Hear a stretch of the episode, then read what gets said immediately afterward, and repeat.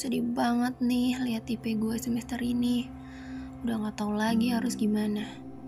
Apa sih sebenarnya yang buat gue down? Perasaan pas kuliah gue ngerasa enjoy-enjoy aja. Sama kayak semester kemarin. Malahan di semester ini gue ngerasa lebih rajin gitu. Ngumpulin tugas, gak pernah absen kuliah, masuk Google Meet juga tepat waktu. Tapi kenapa sih hasilnya kayak gini banget ya?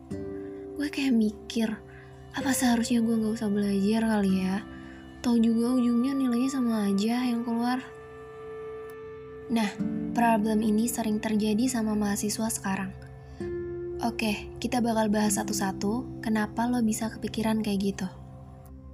Pertama, lo ngerasa puas. Keberhasilan yang lo dapat di semester sebelumnya itu udah jadi bumerang buat lo. Hal yang seharusnya jadi patokan lo buat lebih bangkit lagi, malah jadi zona aman buat lo.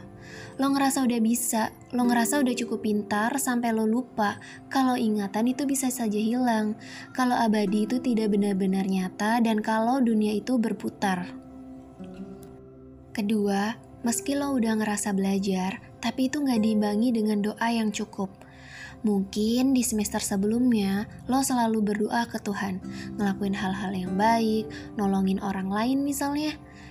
Nah, tapi di semester ini lo nggak se-excited itu. Lo biasa aja sama lingkungan dan malah terkesan cuek. Ya lo tahu sendirilah akibat tanpa harus gue bilangin sekarang.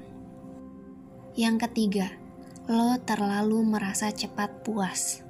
Tanpa sadar, ketika lo dapat nilai yang bagus, lo bakal pamer ke orang lain dengan embel-embel.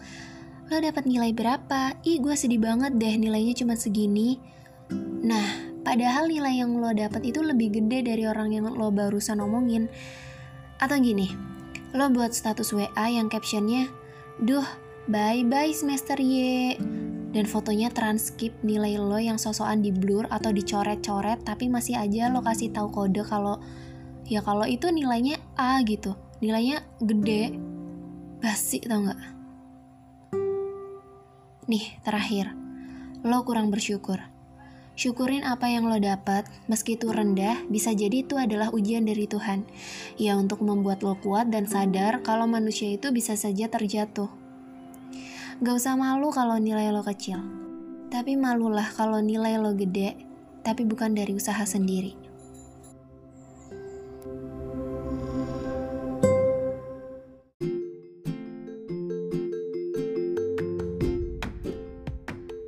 Nih gue gedek banget nih kalau ada orang yang ngomong, ya ampun nilai gue cuma segini.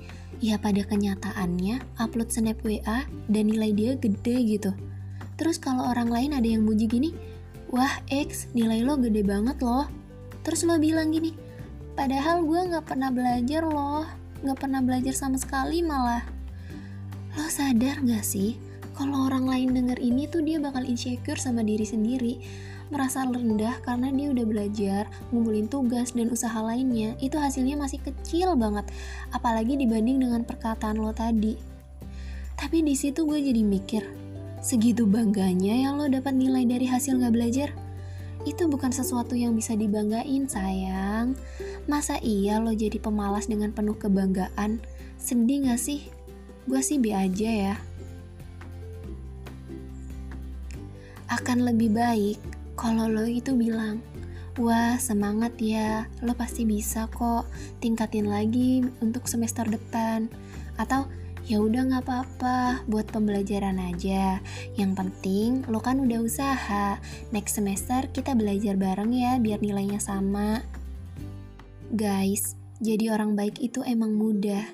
Yang susah adalah berhenti ngelakuin hal-hal yang jahat. Kenapa gue bisa bilang jahat? Ya karena meski itu menurut lo hal sepele, buat orang lain itu bakal bisa membunuh mental mereka, bunuh mental dan semangat mereka. Dengerin saran gue, jangan pernah lo menginjak gunung untuk terlihat seperti langit. Paham?